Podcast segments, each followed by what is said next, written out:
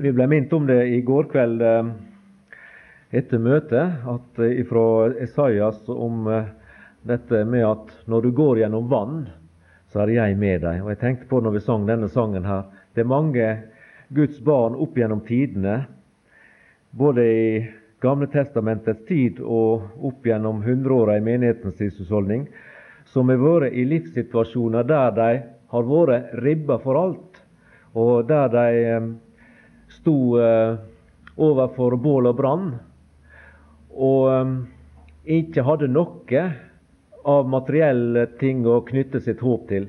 Og hvis ikke de da hadde en Gud som var og er slik som den Gud vi sang om her, at han er trofast og holder sine løfter, da opplevde de i bokstavelig forstand at når de gikk gjennom den lidelsens uh, vann og den flamme og ild som da bokstavelig talt brant deres legeme opp, så var han med dem.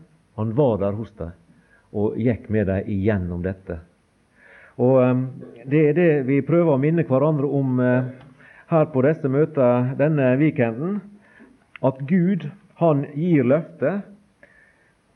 Og Gud står bak sine løfter og oppfyller sine løfter, men ikke alltid til den tid og på den måte som du og jeg forventer det. Det er sant som det står i en uh, sang i sangboka som jeg skrev ned et par linjer av nå.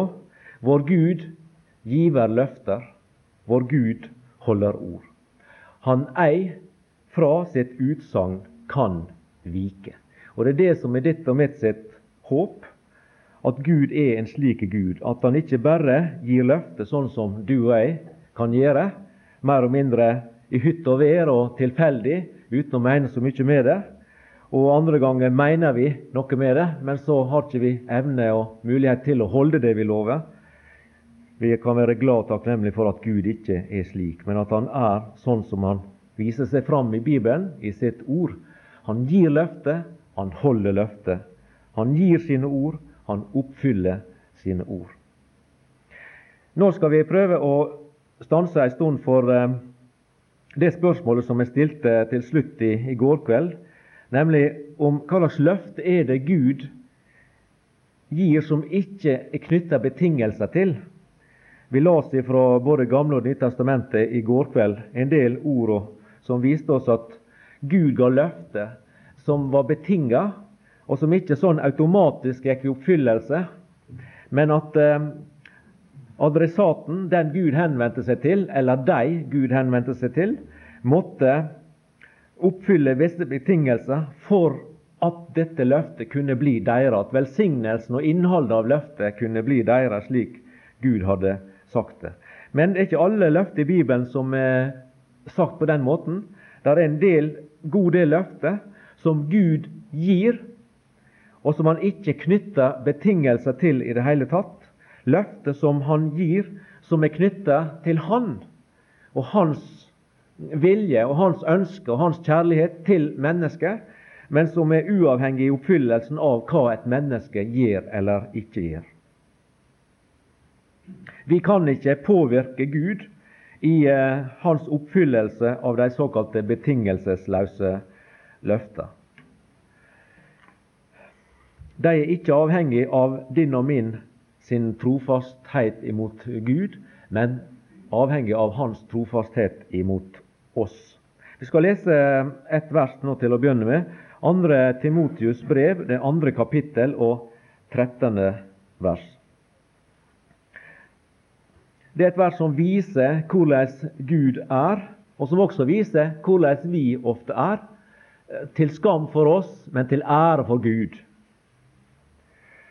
2. Timotius 2, 13. Er vi troløse, så er han trofast, for han kan ikke fornekte seg selv. Vi leste i går fra Salme 100 og viste til at de uttrykk som var brukt der, mellom andre, og mange andre uttrykk som vi finner i Bibelen, beskriver og avspeiler Guds karakteregenskaper, hvordan Gud er i sitt vesen, i sin natur. Og Her leser vi at eh, han er trofast, for han kan ikke fornekte seg selv. Det å være trofast mot sine løfter og trofast mot sitt ord, det er en del av Guds natur. Det er en del av hans karakter. Slik er Gud. Du og jeg, vi kan være vinglete. Du og jeg kan være troløse, som her står. Og om vi er troløse, så er Gud trofast. Altså, Gud han svarer ikke med samme mynt. Slik at hvis vi er rettferdig, så er Gud rettferdig. Hvis vi er trofast, så er Han trofast. Gud han er helt annerledes i, i natur og i sinn og i vesen enn det. Og det er vår redning, at han er ulik oss. Er vi troløse, så er han trofast, for han kan ikke fornekte seg selv. Det vil si at Guds trofasthet er ikke knytta til oss. Det er ikke betinga av uh, hvordan vi er. Er vi trofast mot Han, så er det bra for oss. Er vi troløse, så er det til skam for oss. Men det forandrer ikke Guds vesen. Det forandrer ikke Guds forhold til oss i det å være trofast mot oss. Vi skal gå helt til begynnelsen på Bibelen og bla litt ut igjennom her og der og lese enkelte av disse betingelsesløse løftene som Gud har gitt, og som Han står ved, og som er til nytte og til gavn og velsignelse for mennesker. Alle mennesker. Noen mennesker, spesielle mennesker. Og Da skal vi først se i Første Mosebok eh, kapittel 9. Det er i forbindelse med, med eh, utsegner om eh, den såkalte syndfloda. Og Der står det at ifra vers 8.: Og Gud sa til Noah og til hans sønner som var med ham:" Nå vil jeg opprette min pakt med eder og med deres etterkommere og i vers 11.: Jeg oppretter min pakt med eder, og aldri mere skal alt kjøtt utryddes ved vannflom, og aldri mere skal der komme en vannflom som ødelegger jorden. Dette er tegnet på den pakt som jeg gjør mellom meg og eder og alt leven som er hos eder til evige tider. Min bue setter jeg i skyen, og den skal være et tegn på pakten mellom meg og jorden. Gud gir her et løfte, et løfte som han vil holde, uavhengig av menneskets gjørn og laten. Og mennesker er trofaste mot han, troløse mot han, eh, driver avgudsdyrkelse, lever ugudelig. Samme hvordan, så har han gitt et løfte. Han vil aldri mer utrydde alt kjøtt ved vannflom, og aldri mer skal det komme en vannflom som ødelegger jorden. Og Det har han gitt et paktstegn på, og det er buen i skya. Når du og jeg og andre mennesker som tror Guds ord, og ser buen i skya, regnbuen, da kommer vi på dette løftet som Gud har gitt. At han aldri mer Det kan komme flom, det kan komme oversvømmelse, og det gjør det hvert år, veit vi. Store oversvømmelser i Asia, Kina, Bangladesh, og andre plasser. svømmer over og legger masse jord under seg. Tusener av mennesker blir drept. Mange mister, millioner mister hus og heim og alt dette. Men det er ikke denne type flom Gud snakker om her. Det som han her snakker om, skal aldri mer hende. Vi blar eh, til eh, kapittel 15 og minnes om eh, Abraham. Gud han gir løfte til Abraham og i kapittel 15 så gir han i grunnen et trefoldig løfte til Abraham.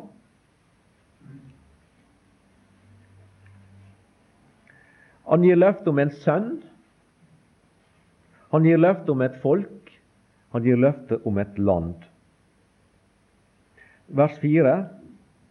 Men se, da kom Herrens ord til ham, og det lød så. Nei, han skal ikke arve deg, men en som skal utgå fra ditt eget liv, skal arve deg. Og han førte ham utenfor og sa, Se opp til himmelen og tell stjernene, om du kan telle dem.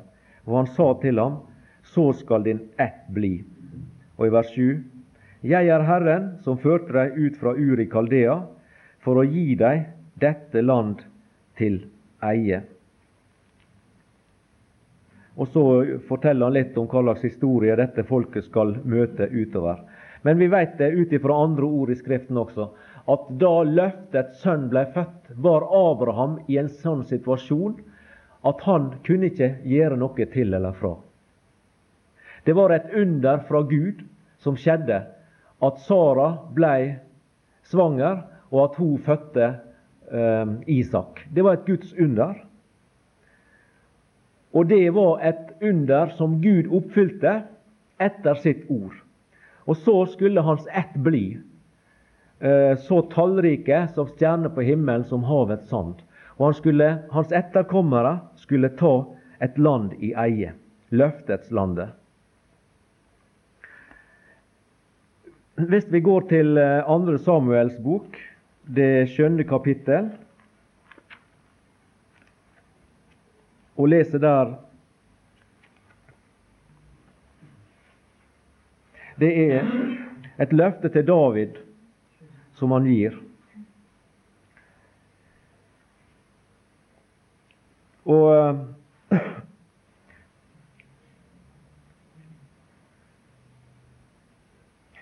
I vers 12 eh, vi kan begynne der. Når dine dagers tall er fylt, andre Samuels bok, skjønne kapittel, vers 12 og utover. Når dine dagers tall er fylt, og du hviler hos dine fedre, da vil jeg etter deg oppreise din sønn som skal utgå av ditt liv.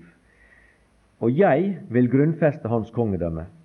Han skal bygge et hus for mitt navn, og jeg skal trygge hans kongedømmetrone til evig tid. Jeg vil være hans far, og han skal være min sønn. Vers 16. Fast skal ditt hus og ditt kongedømme stå til evig tid for ditt åsyn. Din trone skal være grunnfestet til evig tid. Her ser vi at Gud gir et løfte til David om noe som skal skje etter Davids død. Det skal oppreises en person, og Gud skal grunnfeste hans kongedømme. Han vil trygge hans kongedømme og kongetrone til evig tid. Og vi kjenner til der skal komme en person en gang, han er ikke trådt inn på arenaen enda, som skal gjenoppreise Davids falne hytte. Men det som er nøkkelen i dette verset her, det er ikke David som er nøkkelen til oppfyllelsen av dette løftet, men det er Herren, det er Gud. Jeg vil, jeg vil, jeg vil, jeg vil. Det er et løfte Gud gir, som Han vil oppfylle. og Derfor er ikke det betinga av noe som mennesket skal gjøre for å oppfylle noe som Gud sier, at for at dette løftet skal oppfylles, så må du forholde deg sånn og sånn og sånn, slik som vi var inne på i går kveld. Vi las jo f.eks.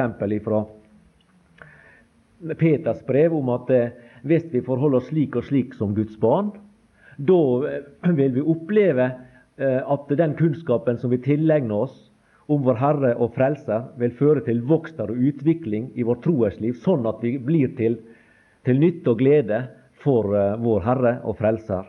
Mens hvis vi neglisjerer disse tingene, gjør andre valg, prioriterer annerledes i livet vårt, da vil vi bli som blinde og døve og, og uvirksomme i den samme Herrens tjeneste. Og Vi var også inne på nøkkelverset i Johannes 3, 16, om at uh, Gud, Guds kjærlighet den er åpenbart for alle mennesker. Så har Gud elsket verden at han ga sønnen sin den enbårne. Det er noe som Gud gjorde ut fra sitt eget vesen. Men for at vi skal få nytte og glede av den Guds gave, så står det at hver den som tror på ham, skal ikke fortapes, men ha evig liv. Så der er opplevelsen av oppfyllelsen av dette det er knytta til at vi ved tro blir knytta til Han. Fordi hvis vi ikke vil tro, hvis vi vil forkaste evangeliet, så vil ikke denne velsignelse komme deg og meg til nytte. Da vil vi bli blant de som går den evige død i, mørk, i møte. Vi skal lese et par eh, vers i Nytestamentet også. og Da har jeg plukka ut eh, Johannes 16. Det er i forbindelse med Jesu bortgang og Den hellige ånds komme. Der også forteller Jesus det at eh, 'jeg går bort, og så vil jeg gjøre sånn og sånn'. Det er en del av hans plan. og så gir han løftet knytta til Den hellige ånds komme. Og det løftet det er knytta til Åndens gjerning ut fra Åndens eget vesen. Skal vi lese noen vers der? Vi kan begynne fra vers 5. Johannes 16. Men nå går jeg bort til ham som har sendt meg, og ingen av eder spør meg, hvor går du hen? Men fordi jeg har talt dette til eder, har sorg fylt eders hjerte. Men jeg sier eder sannheten. Det er til gagn for eder at jeg går bort. For går jeg ikke bort, da kommer talsmannen ikke til eder. Men går jeg bort, da skal jeg sende ham til eder. Og når han kommer, da skal han overbevise verden om synd, og om rettferdighet og om dom.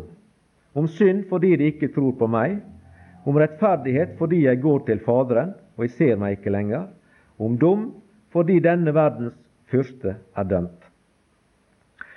Ennå har jeg meget å si eder, men jeg kan ikke bære det nå. Men når Han, sannhetens ånd, kommer, skal Han veilede eder til hele sannheten, for han skal ikke tale av seg selv, men det som han hører, skal han tale, og de tilkommende ting skal han forkynne eder. Han skal herliggjøre meg, for han skal ta av mitt og forkynne eder. Dette er Den hellige ånds oppgave. Dette er Den hellige ånds oppdrag. Og dette gjør han fordi han er Den hellige ånd, fordi han er Gud, og fordi han blir sendt inn i denne verden som sannhetens ånd, som talsmannen. Og Dermed så sier Jesus det er, gang, det er til gang for dere at jeg går bort, for da kommer talsmannen. Og han har denne oppgave, denne tjeneste som han skal utføre. Han skal eh, tale, og om de tilkomne ting skal han forkynne eder. Han skal herliggjøre meg, for han skal ta mitt og forkynne eder. Og Det betyr at hvis ikke Den hellige ånd utfører denne gjerningen i våre liv, så vil du og jeg være blind i åndelig forstand. Det er Herrens ånd som opplyser. Du og jeg, vi ikke, har ikke evne, det sier Korintiabrevet. Et naturlig menneske har ikke sans for det som hører Gud til. Og En kan lese Bibelen fra perm til perm, og en skjønner ikke bæra, som de sier ungdommene. Men den som har Den hellige ånd i hjertet, som talsmann og som opplyser og veileder, kan får opplysning fra Den hellige ånd til å forstå de forskjellige ting. Og som her står at de tilkommende ting skal Han forkynne dere. Han skal herliggjøre meg, for han skal ta mitt og forkynne dere. Dette løftet som Jesus her ga, det kan ikke du og jeg gjøre noe med. Vi kan ikke øve noe vold imot Den hellige ånd i, i, i den forstand. Den hellige ånd er her. Den tar bolig i den troendes sinn ved trua, og den lever i den troende og har denne tjenesten. Og denne tjenesten, den utfører han. En annen ting som går på det praktiske, det er at vi kan slik som det blir sagt om at det, Jesus sa det en gang i samtaler med jødene, at, at det, deres hjerte var trangt. Han hadde et lite rom eh, hos dem. Vi vi kan, ha et lite rom, altså det vil si at eh, vi prioriterer feil i den forstand at vi blir versliggjort i sinn. I våre prioriteringer gjør at, slik som Kalaterbrevet snakker om Dere som begynner så fint, sier Paulus. Nå er dere på feil spor. Nå er dere blitt kjødelige. Nå lar dere liksom den gamle delen av naturen i dere få lov til å trede fram og beherske deres gjerning og deres liv og deres valg. Da blir det trange kår for den nye natur. Så der også er valg selvfølgelig å gjøre. Men vi kan ikke gjøre noe med Åndens gjerning. Den er det den hellige ånd sjøl som tar seg av. Vi kan ikke av oss sjøle få innsikt i Guds ord. Vi kan ikke av oss sjøle se hemmelighetene. Vi kan ikke av oss sjøle tilegne oss de tilkommende ting. Hvis ikke Den hellige ånd opplyser oss, så er vi blinde for de, de, ting som står her i Sannhetsbok, Guds ord. Og så um, et vers til, da. Det er, og det syns jeg er et veldig fint vers, som viser nettopp dette. Han gir et løfte som ikke du og jeg kan rokke ved. Og det er uh, Matteus 16. vers 18. Matteus 16, vers 18.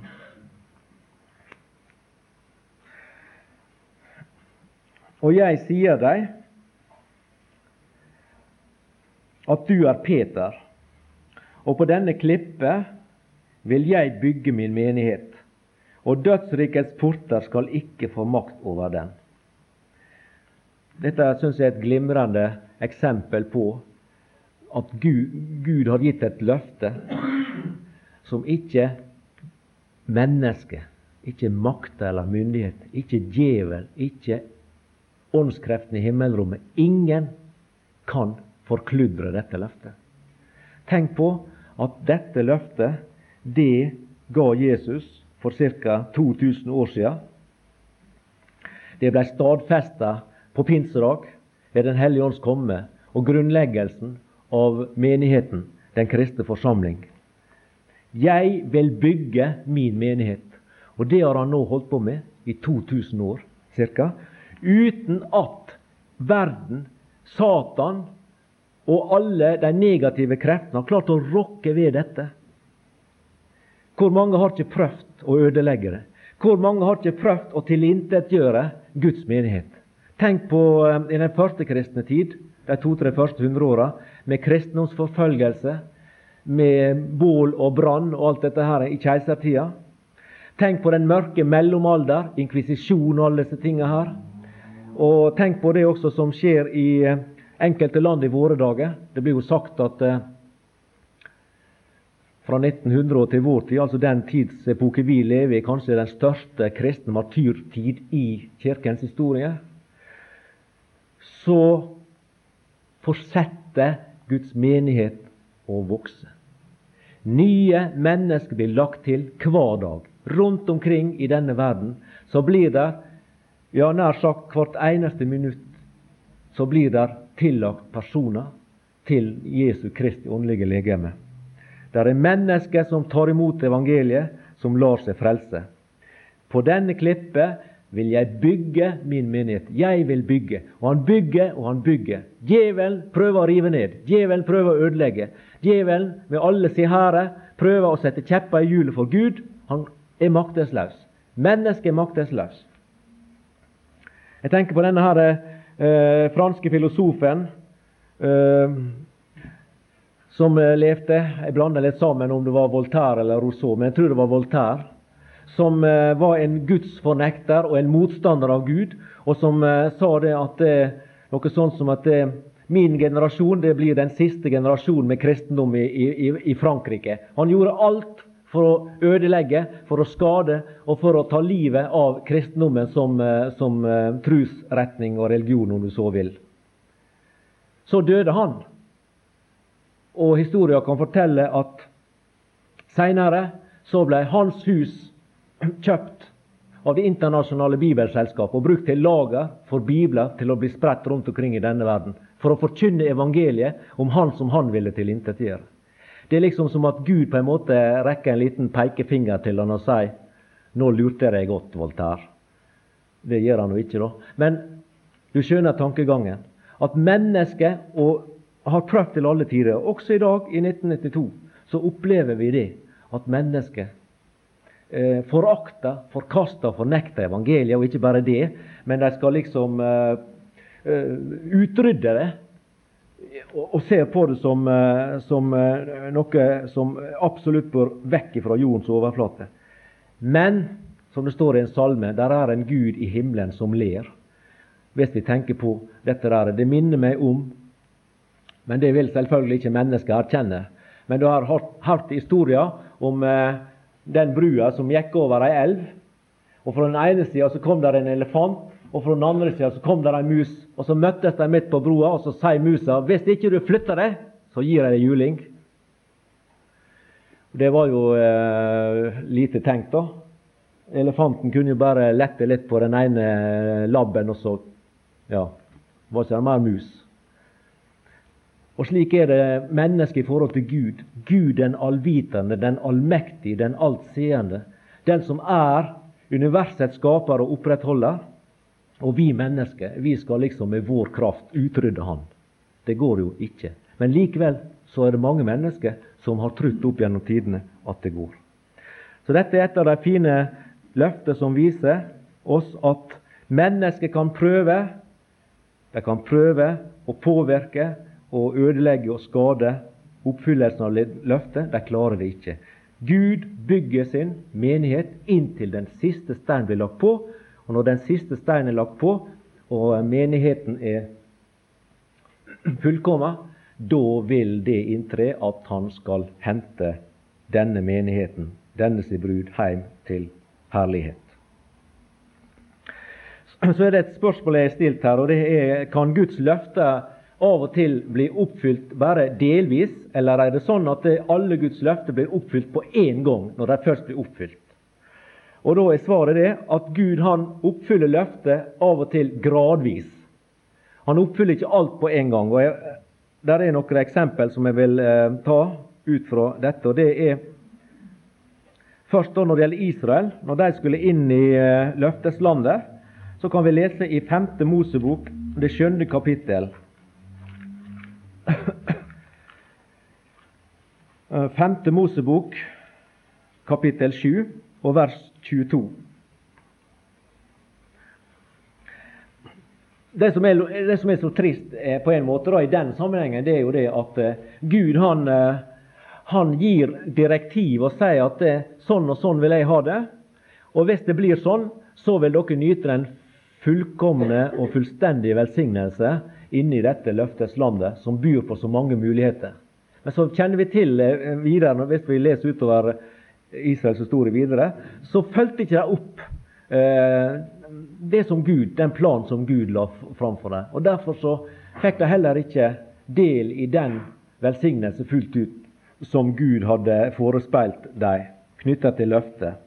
Men her står det altså i 5. Mosebok 7,22.: Herren din Gud vil litt etter litt drive disse folk ut fra deg. Du skal ikke makte å gjøre ende på dem i hast, for da kom villdyrene til å bli for mange for dem. Og I vers 24 neder, siste del står der i, her at til du har utryddet dem. Det var Guds plan. At de skulle rydde ut alle disse herre ut fra, fra det landet, slik at det ikke skulle bli noe fellesskap og samrøre mellom Israel og hedningefolka inne i det lovede landet. Og Vi vet at det fulgte ikke de opp og det ble røre, og det ble trøbbel, og det ble avgudsdyrkelse og det ene med det andre. Men her sier Gud at 'jeg vil litt etter litt drive ut'. Han hadde gitt dem løfte om landet, han hadde gitt dem løfte om å gi dem seier. Men han ga til dem fullstendig seier med det samme. Men han gikk med dem sånn at litt etter litt ga de del i denne seier og dreiv folk ut fra, fra landet. Hvis vi tenker på Messias-profetiene også, så er det på, på samme måten i grunn. Fordi at det, Gamle testamentet er nå full av profetier og løfter som gjelder Messias. Men eh, vi vet jo det at det, en del av de løftene ble oppfylt når, eh, da Messias kom første gang, altså ved Jesu komme. Så ble det en del profetier om eh, Messias oppfylt. Men det er jo en del eh, løftesord knytta til han som ennå ikke er oppfylt, men som da vil bli oppfylt når han kommer andre gang som Messias og skal opprette sitt fredsrike på jord. Profetene talte om en konge, kommende konge, vi har alt lest litt om det, fra Davids ett, som skulle gjenopprette Israels status som Guds utvalgte nasjon. Og Vi skal lese et par, to-tre plasser om det. Esaias 9 først. Og Vi vet jo at deler av disse ordene vi leser her, de er oppfylte. Og andre deler de gjenstår å bli oppfylt. Men eh, vi har den tru til Herren at eh, like så sikkert og like så detaljert og direkte som han oppfylte de første delene av disse løftene, så vil han oppfylle resten også, i sin tid. La vi lese, Det er jo kjente vers, dette, men uh, vi tar nå dem med for det. Vers 6.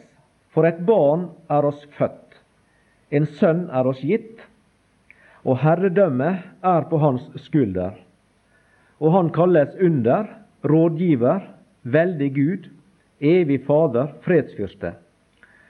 Så skal herredømmet bli stort, og freden bli uten ende over Davids trone og hans kongerike.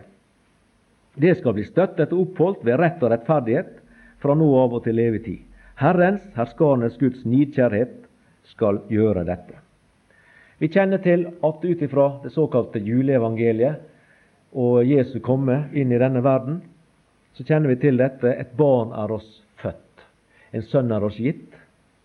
Men eh, når vi leser i vers 7 at herredømmet skal bli stort og freden uten ende, så er jo det noe som skal skje i framtida.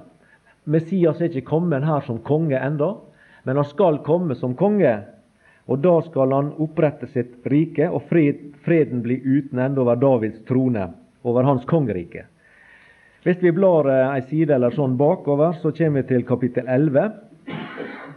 Og eh, i første verset står det men en kvist skal skyte frem av Isais stubb, og et skudd fra hans røtter skal bære frukt. Dette her er Herren Jesus eh, det taler om. Det er Messias det blir profetert om her. Og Det står her at han, han skal dømme de ringe med rettferdighet og skifte rett med rettvishet for de saktmodige på jorden. I vers 5.: Rettferdighet skal være belte om hans lender, og trofasthet belte om hans hofter. Så står det hvordan det vil være på jord i den tid når han regjerer. Ulven skal bo sammen med lammet, og leoparden ligge hos kjeet, osv. der. Diebarnet skal leke ved huggormens hule, og over basiliskens hull skal det avvente barn rekke ut sin hånd. Vers 10. På den tid skal hedningefolkene søke til Isais rotskudd, som står som et banner for folkeslag, og hans bolig skal være herlighet. Det er framtidsmusikk. Så uh, kan vi se, slå på Sakarias kapittel 9. Sakarias i kapittel 9 og vers 9 og 10 der. Det er også en Messias-profeti.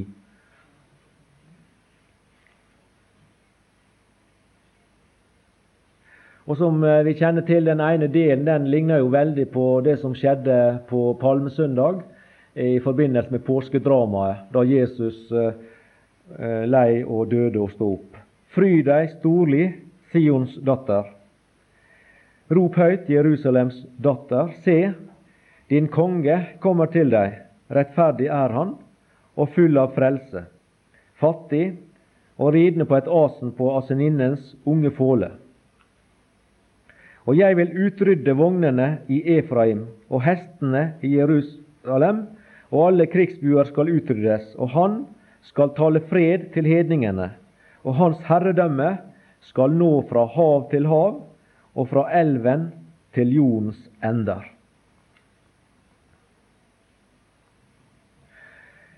Vi kan vel si det på den måten kanskje at eh, vers 9 på en måte beskriver den Messias som kom ved Jesus Kristus. Det, da han kom i, i, egenskap og i framtreden og skikkelse av det som gjerne blir kalt for den lidende Messias, sånn som vi finner det beskrevet i i Jesajas kapittel 53. At han, han kom og han hadde en skikkelse slik og slik, og, og, og, og så står det om hans gjerning, at han ble såra for våre overtredelser, knust for våre misgjerninger. Straffa ble lagt på han for at vi skulle ha fred, og ved hans sår har vi fått legedom. Han kom, han rei inn i Jerusalem, og eh, han skulle fullføre og fullbringe et frelsesverk for synderen. Han kom full av frelse, fattig og ridende på et asen, på asninnens unge fåle. Han som var rik, blei fattig for at vi som var fattige ved hans fattigdom, skulle bli rike. Og så snur bildet seg. Da stiger han fram som kongen, som herskeren, han som skal utrydde vogner og hester, og utrydde krigsbuer, og skal tale fred til hedningene. Og hans herredømme skal nå fra hav til hav. Like så sikkert som Jesus som den, eller Messias som den lidende tjener ble oppfylt da Jesus ble født inn i denne verden som et barn i Betlehem og levde her i disse 30 åra vel så det, og utførte frelsesverket på Golgata og gikk i triumf tilbake til Faderhuset, så vil han igjen komme tilbake, og like sikkert som det, komme synlig tilbake, sette sin fot på Sionsberg og opprette sitt rike, der Israel skal være folk, han skal være konge. Han skal opprette sitt kongedømme. Og I denne sammenhengen så vil jeg uttrykke det slik at jeg syns det er veldig godt, og det tror jeg du også gjør, syns at det er veldig godt å tenke på at Guds evne og Guds vilje til å holde løftene sine er så mye større og så mye annerledes enn vår vilje og evne til å holde våre løfter. Tenk hvis vår Gud, Han som vi tror, som vi tilber, og som vi stoler på, bare skulle være en Gud lik oss. Altså en Gud skapt i, bild, i vårt bilde, med egenskaper som vi tillegger Han, slik som menneskets guder til enhver tid har og er. Hvis du tenker på guder som vi har i den gamle norrøne tid, Odin og Thor og alle disse. Og hvis du tenker på Sevs og alle de i den gamle tid, og alle Egyptens guder og alle åndeguder som finnes rundt omkring hos eh, en del folkeslag i Afrika og andre plasser i dag, og du tenker på buddhisme og hinduisme og alle disse her, så er det jo menneskeskapte guder som har et innhold og har evner som mennesker har tillagt dem. Og Derfor så er de avguder. Eh, de, de er ikke hjelp i. Det blir som å rope til veggen. Det er som å tilbe et trestykke. Men du og jeg, vi har fått kontakt med, fordi Han har tatt kontakt med oss, så vi kommer i kontakt med den levende Gud. Med Han som gir løfter, og som holder sine løfter. Han som er trofast imot sin, sitt vesen og sin karakter og sine egenskaper, og fullfører og oppfyller det han har sagt. Det er jeg glad for i denne stund, at Gud er så annerledes enn meg. At Gud er Gud slik han åpenbarer seg i Bibelen. Og det kommer meg til gode. Det kommer meg til nytte. Det er mitt håp. Det er der mitt håp er knytta til. Hans trofasthet, hans evne og vilje og makt til, når han først har frelst meg, også bevare meg og berge meg gjennom denne verden og inn i den kommende, inn i den evige verden. Ja, vi kan eh, prise oss lykkelige for at Guds trofasthet, den varer fra slekt til slekt, som salmen uttrykker det. Så vil jeg over eh, litt til eh, punkt to. Jeg sa det at eh, når du leser litt i Bibelen og prøver å finne ut hvordan Gud i hvert fall fire forskjellige måter som han opptrer på i forhold til løftet. Og det er at han holder løftet på sine egne vilkår, og det har vi i grunnen prøvd å stanse ved til nå.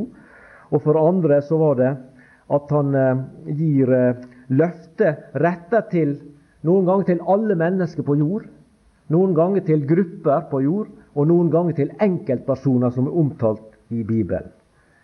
Og for det tredje så eh, gir opp fyller han løftene sine, ikke slik som vi forventer at han skal gjøre det, men han gjør det på, på sin måte. Han velger måte sjøl. Og det fjerde var at han også velger tid. Han, han oppfyller løftet og ordet sitt i den tid som han ser er best, ut fra sin timeplan og ut fra slik han tenker, og ikke hvordan vi tenker. Har du opplevd dette noen gang? Det har du sikkert på en eller annen måte. Vi får av og til i posten sånne, et, et, en svær, flott konvolutt, og så står det 'det beste' utapå. Det beste de, de, de, er veldig flinke til å sende store konvolutter med eh, tilbud om noe. Og så kan du oppleve det at uh, utapå en konvolutt så står det sånn at uh,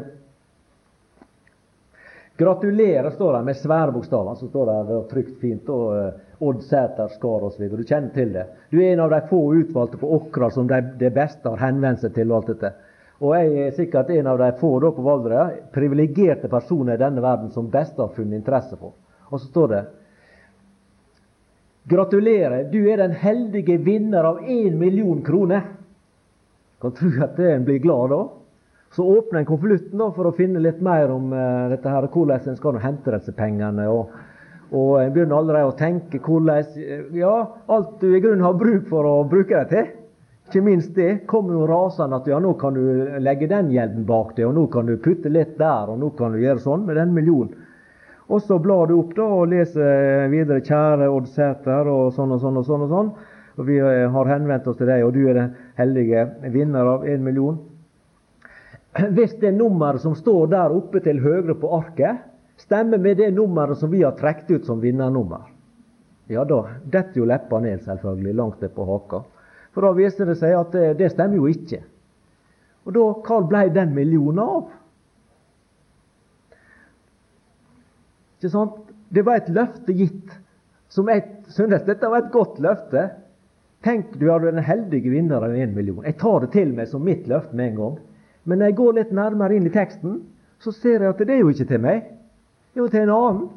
For det er en annen som har det nummeret, og ikke jeg.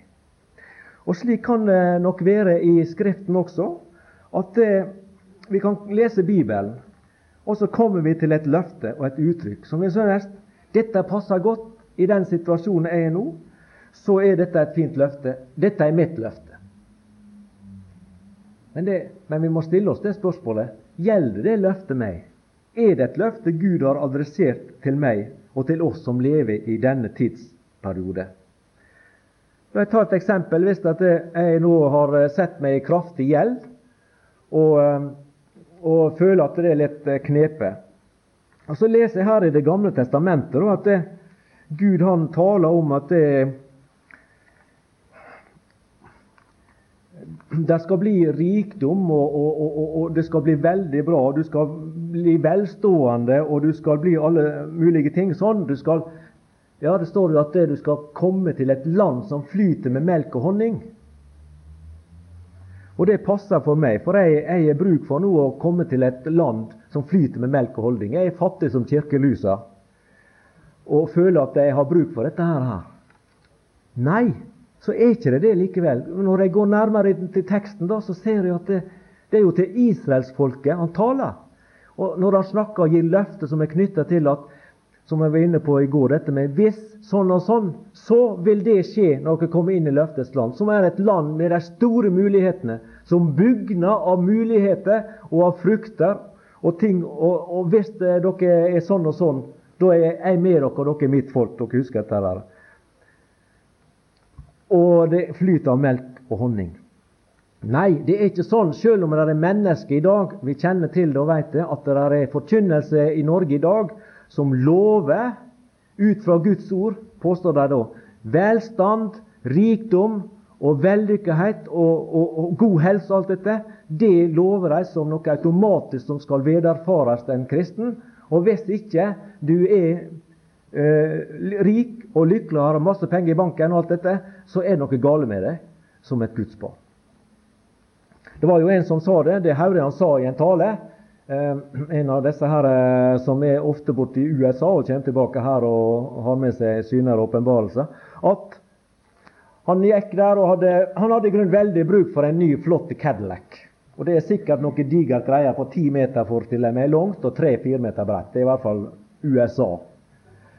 Ja, Og så så han en sånn big eh, kar da en eller annen plass. Og så ønska han seg det. Og så ba han til Gud at kjære Gud, du ser min vanskelige stilling. Nå har jeg en eh, to år gammel Cadillac. Nå må du gi meg en ny. Noe i den retning ba han. Og tror ikke du det? Gud hørte bønna og ga han en Cadillac. Det er sånn det skal være, sa han. Det er sånn det skal være. Jeg tror ikke det er sånn det skal være. Men han høres ut til å tro at det var sånn det skulle være. Og Han fortalte også at eh, han hadde eh, bruk for et hus.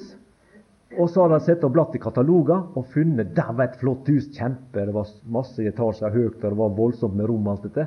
Det var sikkert noe som Gud ville gi dem. For Gud ville jo at de skulle være vellykka mennesker. De kunne ikke gå rundt i lase og bo i alminnelige hus, de som representerte liksom kongenes konge og alt dette. Det skulle være stort, det skulle være svært, alt, slik som alt ja, i Amerika, blir det sagt. da.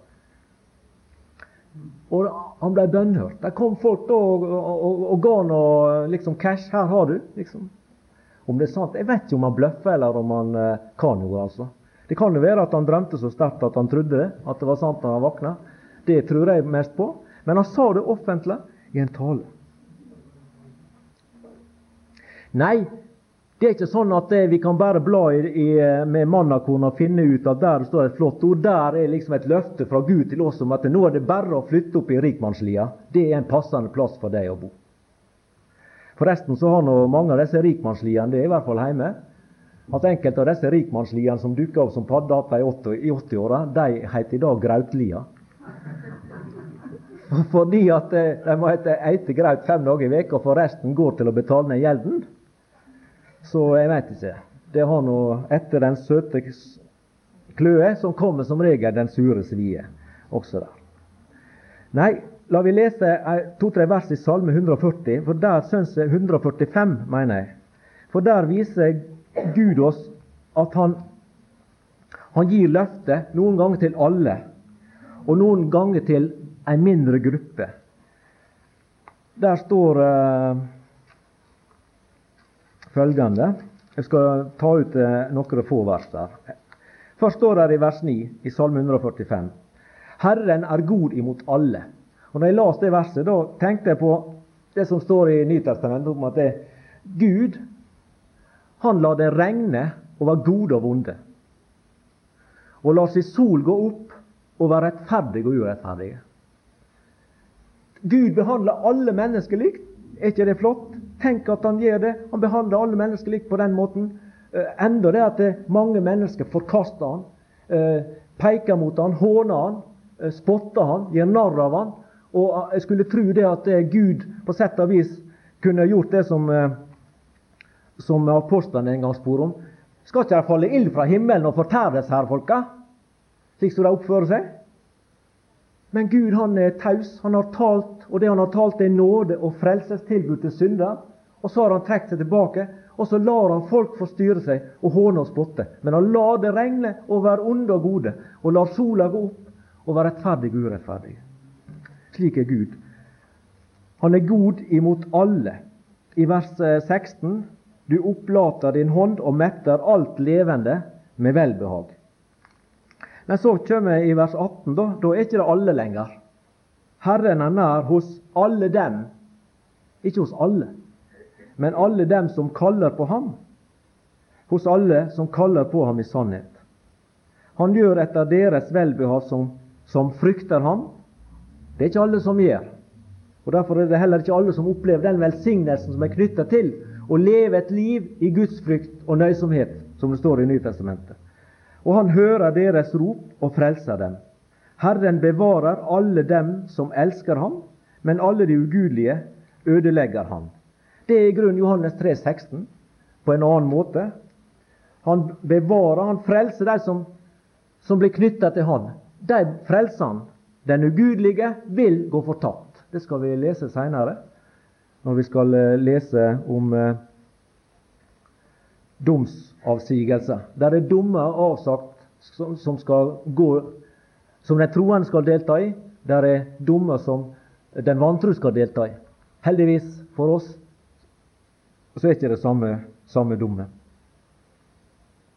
Til slutt, da, nå går visst tida fra meg. Men eh, jeg vil da eh, stille et spørsmål etter at vi nå har sett det, at det før du og jeg, når vi leser ordet, tar, knytter et løfte til oss og tar det til oss og tilegner oss det som dette er mitt, så bør vi finne ut om eh, det gjelder oss eller det ikke gjelder oss. Som eh, jeg var inne på i går da jeg refererte til Aurebekk, som sa dette med 'du skal ikke stjele'. Altså, Vi mister forståelsen av ordet hvis vi ikke skiller de forskjellige husholdningene fra hverandre og ser at Gud talte slik, og det er avslutta. Noe er ikke avslutta. Noe kan jeg, jeg, ta til meg. Og det er jo ting som er sagt, kan du si, som er, er meint i første omgang materielt, som, eh, som vi åndeliggjør og kan få ta, ta, til oss på en måte som en åndelig sannhet som gjelder et eller annet ved Jesu Kristi frelsesverk eller hans person og vesen, som dette blir et bilde på eller en avskygning av. Det blir noe annet. hva har så Gud gitt av løfter til alle mennesker? Gud han har gitt en del løfter som gjelder alle mennesker uansett. Og så har han gitt en del løfter som vi skal lese om senere i kveld, eh, som han har gitt til, bare til troende mennesker. Og så er det en del løfter han har gitt som gjelder et folk, spesielt Israel. Noen av de løftene som er gitt til mennesker, som gjelder alle mennesker, det er f.eks. Johannes 3, 16-18. Der han gir et løfte som gjelder alle, fordi at hans kjærlighetserklæring gjelder alle mennesker. Så har Gud elsket verden at han ga sin sønn den enbårne. Det gjelder alle mennesker. Og så må alle mennesker forholde seg til den personen, Jesus Kristus, som Gud har gitt til frelse for alle. Og da blir det ei deling i to, kan vi si. Fordi det blir ei gruppe da, som ved tro har evig liv og ikke fortapes. Og så er det ei gruppe som ikke vil tro, og som går fortapt. Men frelsestilbudet gjelder for alle mennesker. Gud vil at alle mennesker skal bli frelst. For Gud sendte ikke sin sønn til verden for å dømme verden, men for at verden skulle bli frelst ved ham. Den som tror på ham, blir ikke dømt. Den som ikke tror, er allerede dømt fordi han ikke har trodd på Guds enbårne sønns navn. Men løftet om frelse, om evig liv, det er gitt til alle. Et annet løfte var vi borte i stad, i forbindelse med Noah og vannflommen og dette der, der, Gud gir et løfte om at det aldri mer så skal det komme en vannflom slik som den vannflommen. 1. Mosebok 9,11. Og en annen ting også der som jeg vil lese, det er at Gud han har gitt et løfte som gjelder alle mennesker. Alle det som jeg sa om at det, han lar det regne på gode og onde. alt dette. Og det står i eh, kapittel 8 der i første Mosebok, i vers 22.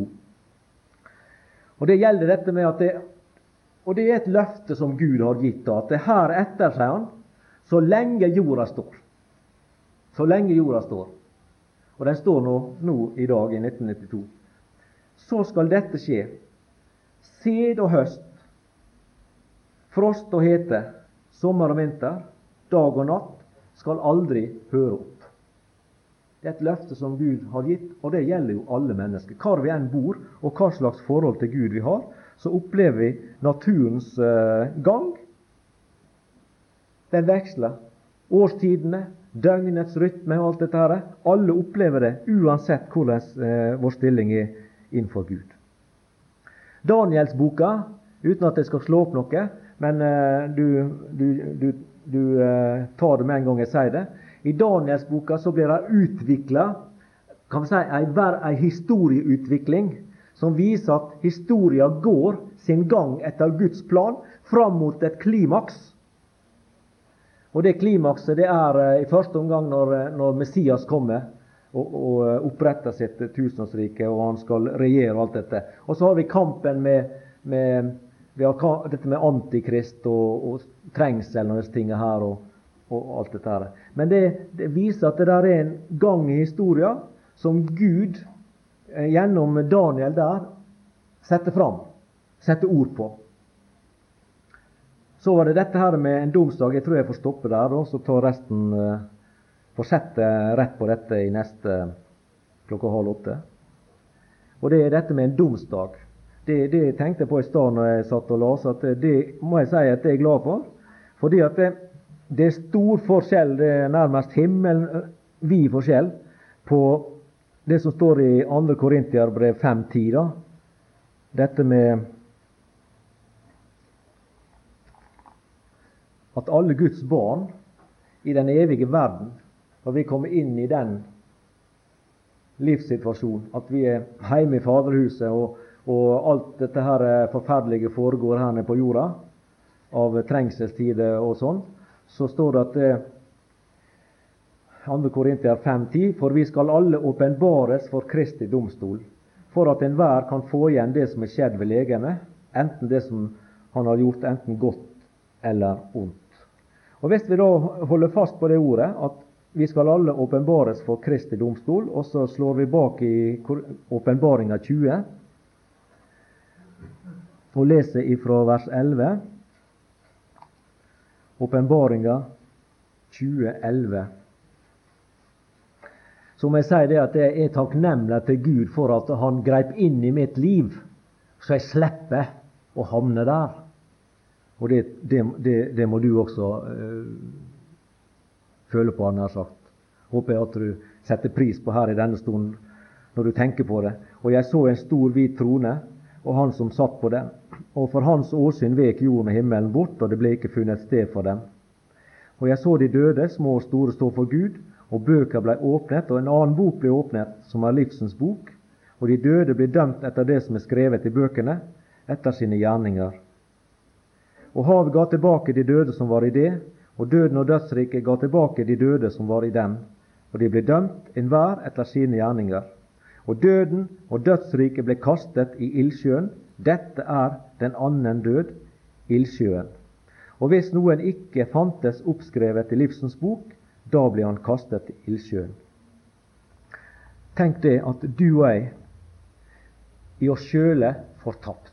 I oss sjøle en fortapt synder, på like linje med de som kommer til å havne her i ildsjøen en gang.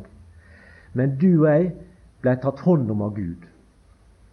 Slik som bør, Vi bør ikke ha vært ute i verden, dere ungdommer f.eks. Dere har ikke vært ute i verden. Det kan dere være glad for kan prise dere lykkelige for det. Det beste som skjer et menneske, det er at du alltid lever troeslivet ditt med Herren Jesus. Det er det beste som kan skje deg. For da er du spart for alle disse sår og merker som andre får ute i verden, og som forfølger deg i tanken og i sinnet kanskje gjennom hele livet. Mens du har kommet til Han mens du er ung og forholdsvis urørt av Satans makt og innflytelse. Og kan Han forme deg, den Herre Jesus, på en slik måte at du blir et nyttig redskap for Han til å vinne sjeler for Han, og til å gå inn i Hans ord og fordype deg i det, og trenge inn og lære Han å kjenne, som vi hørte i åpningen i går, og få kjenne Han slik at Han stiller din sjel fullkomment tilfreds. Og du har ikke bryr deg om, om, det som er ute av, annet enn, i den sammenheng å være et Jesu vitne utover, slik at det, som det står i en sang, at uh, O la mitt liv om Jesus tale. Det er noe vi ønsker alle sammen. At hvor som helst jeg går, et glimt av Jesus får de som opplever oss i hverdagen som mennesker, som troende. At de et lite glimt av Jesus får, som kan vise vei til himmelens sale. Der har du som er ung, en, ikke du, men Jesus har en enorm mulighet til å få komme inn i ditt liv på en slik måte at han dominerer ditt liv mye mer enn menneske mennesker som er gått ut i verden og lever verdens og syndens liv i kortere og lengre tid, og blir merka av det, og kommer tilbake og så vet at de åra jeg var der ute, de var vekkasta i forhold til mitt nye liv i Jesus Kristus. For vi begynner jo på nytt når vi blir frelst. Og da er det klart at Hvis denne nye begynnelse er tidlig, så blir jo livet med Gud desto lenger. Det er det som er det fine. Og tenk på det da, at eh, Guds nåde og frelse ble oss til del. Og selv om vi da må framfor Kristi domstol, det har med tjenesten og dette med å, å få igjen å gjøre. Men det har ikke noe med frelse å gjøre. Vi er jo frelst og fri. Vi er jo inne i herligheten. Vi er i Faderhuset. Ingen vil kaste oss ut derifra. Tvert imot. Han har jo sagt at alle de som kommer til meg, det, de har Faderen gitt meg. Og de som kommer til meg, vil jeg ingenlunde støte ut. Han gjør ikke det her. Tvert imot. Han tar oss inn i sin frelserfavn og klemme oss hardt og holde oss der. Og så inn i Faderhuset, og der er vi hjemme. Men så skal vi få litt uh, igjen, for det er også nådes bevisning fra Han, at vi får litt igjen for den tjenesten vi har gjort Han i den tid vi var her. Men stakkarene der på den hvite trone, de har ikke noe. De, de har forkasta den Herre Jesus. De har avvist Han frelsestilbud. Deres navn står ikke i livsens bok. Og så opplever de det grusomme som Bibelen kaller den annen død. Mens du og jeg opplever evig salighet hos vår Herre og Frelser. Ja, det er grusomt her å tenke på at noen av de som står meg nær i livet, ennå i denne kveldsstunden ikke har sagt ja til deg, med tanke på det som vi nå nettopp har lest ifra ordet ditt. Må du få nå deg, Herre, kalv og drag på deg. legg din hand på dem på en måte som de merker ditt håndtrykk, og merker din hjertevarme, at du vil inn i deres liv for å frelse, for å gi syndenes tilgivelse, for å gi dem nytt håp og ny framtid. Herre Jesus, bli deg for sterk. Du er den samme Gud i dag som du var på Mosetid og på Paulus' tid og på den tid jeg ble frelst. Du er den samme. Du strekker din hand ut til synderen og, og sier 'Kom til meg, alle som strever og er tungt å bære'. Du vil gi dem hvile. Herre Jesus, måtte mange fremdeles, og også de av mine som ikke er frelst, få oppleve å komme inn til denne hvile. Få legge seg til ro i ditt frelsesverk. Legge seg til ro ved enkelt å tro at du døde på korset også for deg. Takk og lov, Herre Jesus, fordi du er en trofast frelser og den beste venn. Amen.